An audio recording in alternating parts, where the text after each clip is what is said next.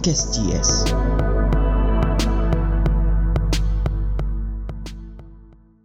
Bismillahirrahmanirrahim. Assalamualaikum warahmatullahi wabarakatuh. Masalan, balik lagi bersama kita di podcast CIS dari KSI CIS FEB Universitas Brawijaya. Bersama saya sebagai host ini akan berbincang-bincang asik nih sama narasumber asik juga dong pastinya. Oke, perkenalkan ya teman-teman. Aku Rifki Bayu Laksana, bisa dipanggil Bayu dari Ekis 2019 yang membersamai kalian beberapa menit ke depan. Oke semuanya, saat ini kita bakal ngebahas salah satu biro nih yang ada di KCICS yaitu dari biro sismik. Nah, mungkin pada kepo kan sama apa sih yang ada di biro sismik ini? Oke, kali ini udah bersama kita semua seorang narasumber yang keren yang akan menjawab semua kekepoan kalian tentang biro sismik. Nah, kita sambut narasumber kita Mas Gio Aprinaldi. Assalamualaikum Mas Gio. Waalaikumsalam Bayu. Oke, gimana kabarnya Mas Gio? Alhamdulillah baik. Alhamdulillah. Oke, mungkin ini awal-awal gini enaknya kita kenal dulu ya. Kebetulan kayaknya teman-teman yang denger nih pada kepo nih, siapa sih sosok Mas Gio Aprinaldi ya sih? Oke, mungkin bisa dikenalin nih Mas Diriantum ke para pendengar biar makin akrab karena tak kenal kan maka tak harus. Oke Mas, monggo monggo. Oke, Bismillahirrahmanirrahim. Assalamualaikum warahmatullahi wabarakatuh. Halo semuanya teman-teman di mana pun berada. Insya Allah eh, tetap diberikan kesehatan di masa pandemi seperti ini ya. Insya Allah. Amin. Eh, perkenalkan, nama aku Gio Alperinaldi dari Program Studi Ekonomi Islam 2018. Di CS sendiri aku diamanahkan sebagai Kepala Biro Sismik 2020. Oke. Oke, udah udah Mas, ada lagi mau ditambah? Mungkin cukup ya perkenalan singkatnya kan. Oh iya, singkat ya. Iya. Oke, jadi teman-teman udah kenal ya semuanya sama Mas Gio ini. Iya. Yang saat ini menjabat menjadi Kepala Biro Sismik KCICS. Oh ya, BTW Mas, mungkin bisa dikasih tahu nih Mas, apa aja sih program kerja yang terdapat di Biro Sismik ini? Biar teman-teman mungkin ada gambaran lah jika mau masuk Biro Sismik. Ya, coba monggo Mas gimana Mas? Oke, baik. Sebelum aku menyebutkan program kerja yang ada di Sismik, mungkin eh, kita berkenalan dulu nih, apa itu Sismik gitu. Nah, kalau Sismik sendiri itu eh, kepanjangannya School of Islamic Economics. Nah, apa sih Sismik itu atau School of Islamic Economics? Adalah sebuah wadah bagi kader CS untuk berdiskusi ekonomi Islam atau yang sering disebut dengan mentoring lah gitu mentoring dari beberapa orang kemudian dipandu oleh satu mentor. Nah, untuk program kerjanya sendiri dalam School of Islam Economics ini itu ada empat program kerja yang aktif selama di Sismik sendiri. Yang pertama itu ada Sismik Day. Nah, Sismik Day ini adalah sebuah core dari program kerja yang ada di Sismik. Penasaran dong itu apa? Nah, kalau Sismik Day itu kegiatan mentoring dalam diskusi ekonomi Islam yang terdiri dari beberapa staf eh, itu tergantung departemennya masing-masing jumlahnya seperti departemen WM nanti ada beberapa orang departemen R&D departemen public relation terus departemen eh, PR nah nanti itu terdiri oleh eh, beberapa orang kelompok yang akan mendiskusikan tentang materi ekonomi Islam secara teoritis dan aplikatif. Nah ini dilakukan biasanya dua minggu sekali selama dalam eh, dua minggu sekali itu itu selang-seling ya sama rapat departemen. Nanti minggu depannya itu dilakukan sismik.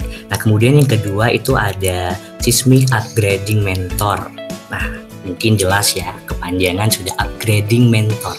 Berarti eh, program kerja ini bertujuan untuk mengupgrading skill para mentor untuk membekali mereka untuk memberikan pemahaman bagaimana cara mengedukasi dengan efektif mungkin untuk disampaikan kepada staff. Selain itu juga Zoom ini juga mengadakan eh, pembekalan materi pembekalan materi mengenai ekonomi Islam secara teoritis maupun isu-isu tentang ekonomi Islam.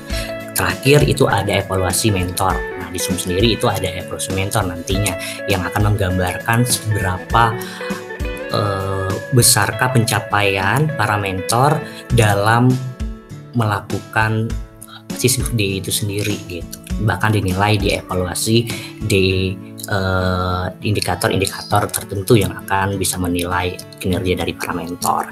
Terus yang ketiga program kerjanya ada SCC itu Seismic CS Championship. Nah jadi SCC ini seperti kompetisi keilmuan yang didapat selama mereka melakukan rangkaian Seismic Day atau kegiatan mentoring. Nah, kemudian nanti di situlah mereka berkompetisi atau lomba antar departemen yang akan dipertemukan dalam sebuah forum, live meeting maupun uh, secara di grup langsung seperti itu. Jadi ini sebagai bentuk juga apresiasi mereka di mana selama mereka melakukan seismic day ini perlu adanya uh, apa ya apresiasi khusus lah bagaimana mereka mendapatkan pembekalan keilmuan yang ada di Seismic Day atau mentoring. Nah, terus terakhir itu ada SC atau Seismic Controlling. Nah, selama kita melihat adanya Seismic Day, adanya SCC, nah Seismic Controlling ini berperan sebagai buku kendali mereka atau buku kendali para kader CS nih ya, yang akan mencatat keseharian kader CS seperti amal yaumi, kemudian uh, mentoring atau seismic day yang saya sebutkan tadi yang akan menggambarkan seberapa besar progres mereka selama melakukan seismic day. Dan selain itu, DSC atau seismic controlling ini juga memfasilitasi rapor seismic. Rapor seismic itu menggambarkan nantinya secara konferensi apa sih pencapaian mereka selama seismic day secara kuantitatif. Nah, itulah akan mereka pelajari atau evaluasi pembelajaran agar bisa lebih baik terus menerus gitu. Itu uh, Bayu kalau program kerja secara uh, garis besarnya program kerja Sismi. Hmm, cukup menarik ya Mas di Biro Sismik. Oke, lanjut nih. Uh, terus nih Mas, apa aja sih skill yang bisa dikembangkan di Biro Sismik ini? Kira-kira apa aja nih Mas? Oke, skill yang dikembangkan di dalam Biro Sismik tentunya ya uh, karena School of Islamic Economics ini sebenarnya bertugas untuk melakukan pemberdayaan sumber daya manusia yang ada di internal JIA secara langsung. Karena apa? Karena di sini sebenarnya sismik ini juga berperan selain keilmuan mereka harus juga mampu menginfluence uh, para CS gitu. Yang pertama ya mungkin aku jelaskan skill yang bisa didapatkan adalah mereka mampu mengembangkan uh, daya pemberdayaan mereka kepada para staf GS misalkan meng, uh, mengarahkan mereka untuk bisa meningkatkan literasi ekonomi Islam. Yang kedua, mereka mampu menggerakkan para CS untuk aktif dalam berdiskusi ekonomi Islam. Dan secara khusus, skill yang bisa didapatkan di Sismik, mereka bisa melatih untuk dapat mengelola data-data yang ada di Sismic. Nah, berhubung Sismic ini mengolah datanya seperti Word, Excel, terus kemudian dikonversi menjadi statistik. Nah, ini uh, mungkin di kuliah-kuliah kita belajar ya matematika bisnis ataupun statistik. Nah kalau di sini sendiri mungkin bagian dari kecilnya lah dari pelajaran tersebut. Nah di situlah skill yang secara spesifik bisa didapatkan teman-teman sismik ini mampu mengolah data uh, yang akan merepresentatifkan gambaran mereka selama belajar di Seismic Day seperti pretest, post-test, kemudian SCC. Ini menjadi indikator bagaimana pencapaian tetap biar bisa merepresentatifkan pencapaian mereka selama di sismik seperti itu. Skill-skill yang dikembangkan cukup penting ya mas untuk mahasiswa sendiri ya? Iya Bayu, uh, kalau untuk menambah meningkatkan uh, literasi ekonomi Islam itu udah tentu lah ya mungkin di kuliah di ekonomi Islam khususnya udah dapat lah nah nanti di sismik sendiri itu mungkin jauh lebih uh, dapat lagi ilmu-ilmu atau pengetahuan yang secara tidak sadar kita tidak dapat di kuliah gitu. Nah, jadi kita banyak belajar uh, teman-teman sismik itu mencari referensi-referensi ekonomi Islam yang akan menjadi bahan apa ya untuk mengetes kognitif para chaser gitu. Secara langsung mereka juga belajar dong uh, ilmu-ilmu tersebut gitu. Iya benar benar benar. Oke nih lanjut nih ya Mas ya. Terus uh, kira-kira apa kaitannya karakter biosismik dengan ekonomi Islam sendiri sih? Kira-kira apa tuh Mas? Kaitannya sama ekonomi Islam sangat berkaitan kalau aku bilang karena core dari sismik sendiri dia mem, uh, memfasilitasi dalam pembelajaran uh, ekonomi Islam yang pasti bertajuk kepada teori-teori ekonomi Islam, isu-isu ekonomi Islam, bahkan bagaimana bisa mengimplementasikan ekonomi Islam ini dalam kehidupan sehari-hari. Yang jelas ekonomi uh, relate sismik sama ekis tentu adanya karena di sini kita bareng-bareng di sismik belajar membahas ilmu ekonomi Islam tadi yang kusebutkan secara teoritis, aplikatif, kemudian ada diskusnya atau diskusi ekonomi Islam. Kemudian selain itu kita bukan hanya mendapatkan literasi ekonomi Islamnya saja, namun relate ekis ini juga dikembangkan meningkatkan spirit apa ya spiritualitas kadar CS-nya khususnya gitu. Jadi e, beriringan lah selain mereka mendapatkan teori ekonomi Islam pun mereka juga selaras dengan peningkatan spiritualitas mereka gitu. Hmm, berkaitan banget berarti ya Mas ya. Terus sama berkaitan kalau saya bilang. Hmm. Oke, okay, now the last question Mas. Kan sekarang sudah menjadi kepala biro sismik nih. Mungkin yeah. ceritakan nih Mas, suka dan dukanya di biro sismik itu sendiri. Tunggu. Oke, kalau berbicara senang dan duka, hmm, oke mungkin dari senangnya dulu kali ya.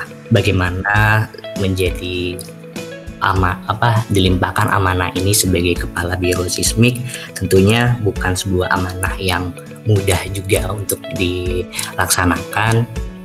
Nah, khususnya di sismik sendiri senangnya itu mungkin itu tadi yang saya katakan bahwa banyak sekali insights dan wawasan yang bisa didapatkan selama di sismik gitu. Kita bisa tahu referensi-referensi yang ada teori-teori ekonomi Islamnya, kemudian aplikatif dan isu-isu yang ada di ekonomi Islam. Kemudian kita kembangkan menjadi sebuah apa uh, melihat teori-teori yang mungkin tidak didapatkan yang ada di uh, kelas kuliah gitu. Nah inilah yang jadi pembelajaran banyak ya uh, yang justru membuat kita semakin tertrigger untuk lebih jauh mengenal apa sih ekonomi Islam itu, bagaimana sih teori-teorinya dan implementatifnya. Inilah sebagai wadah untuk banyak belajar referensi-referensi ekonomi Islam gitu. Terus kalau senangnya selain itu mungkin ini ya, karena sismik ini juga khasnya mereka memper memperdayakan sumber daya manusia khususnya ada di Chaser ya. Kita akan dilatih untuk mau tidak mau suka tidak suka harus mempunyai jiwa untuk merangkul teman-temannya. Harus mempunyai jiwa pendidik lah seperti itu. Karena based on kita sendiri terkesan memang bagaimana ilmu-ilmu yang sudah kita kelola nih ya eh, referensi-referensi kita dapatkan agar bisa tersampaikan dengan baik kepada para chaser gitu. Inilah menjadi core penting kalau menurut aku yang menjadi membuat uh, senang yang ada di sismik mereka mendapatkan insight wawasan referensi ekonomi Islam dan kedua mereka mampu men-trigger diri untuk mengimplementasikan skill mengajar dan bahkan juga public speaking mereka gitu. Nah, kalau berbicara dukanya ya, mungkin sejauh ini uh, belum terlihat sih uh, Bayu dukanya karena hmm. apa ya? Bisa dikatakan Sismik ini adalah sebuah biro yang hmm, cukup santuy dalam menjalankan program kerja program kerjanya. Dilihat dari kerjanya itu ya kita banyak mencari referensi-referensi kemudian kita rangkum menjadi soal-soal uh, isian singkat esai kemudian kita uh, kaji bersama apakah soal-soal ini sudah mampu dan layak untuk di-share kepada para chaser gitu. Nah inilah uh, yang menjadi daya tarik kalau menurut aku kita dilatih untuk berpikir critical thinking juga, juga menambah wawasan dan juga mengolah data gitu. Jadi ya seperti itu uh, kerjaan dari sismik yang menurut aku pun uh, teman-teman sismik ini juga saling support ya ketika uh, kita ada PJ khusus-khususnya seperti itu. Tapi teman-teman tersebut tidak melupakan sama PJ yang lain gitu. Sehingga saling membantu lah satu sama lain. Pun kalau dukanya uh, mungkin mm, dikejar target ataupun deadline ya terkadang uh, lupa yaitu sebuah haman error lah yang bisa dimaklumin namun pun kalau mau dikejar target misalkan hamil satu ataupun hamil jam itu kita tetap bisa melakukan gitu loh. Karena kita di based on kita adalah uh, mengolah data, kemudian referensi yang bisa dicari di browsing dan yang pasti kita bisa membahas secara langsung gitu. Itu sih yang uh, menurut aku uh, kalau untuk duka sejauh ini ya mungkin itu sih banyak pembelajaran mana kita harus tahu gimana memanajemen waktu yang terkadang ya tadi yang kelupaan ataupun haman errornya eh, yang membuat uh, kurang bagus lah gitu di di uh, untuk pelajaran di uh, di sismik. Cuman itu tadi itu bisa kita perbaiki bersama uh, sejauh ini gitu. Cukup banyak berarti ya mas ya pengalaman yang didapat dari biro sismik ya.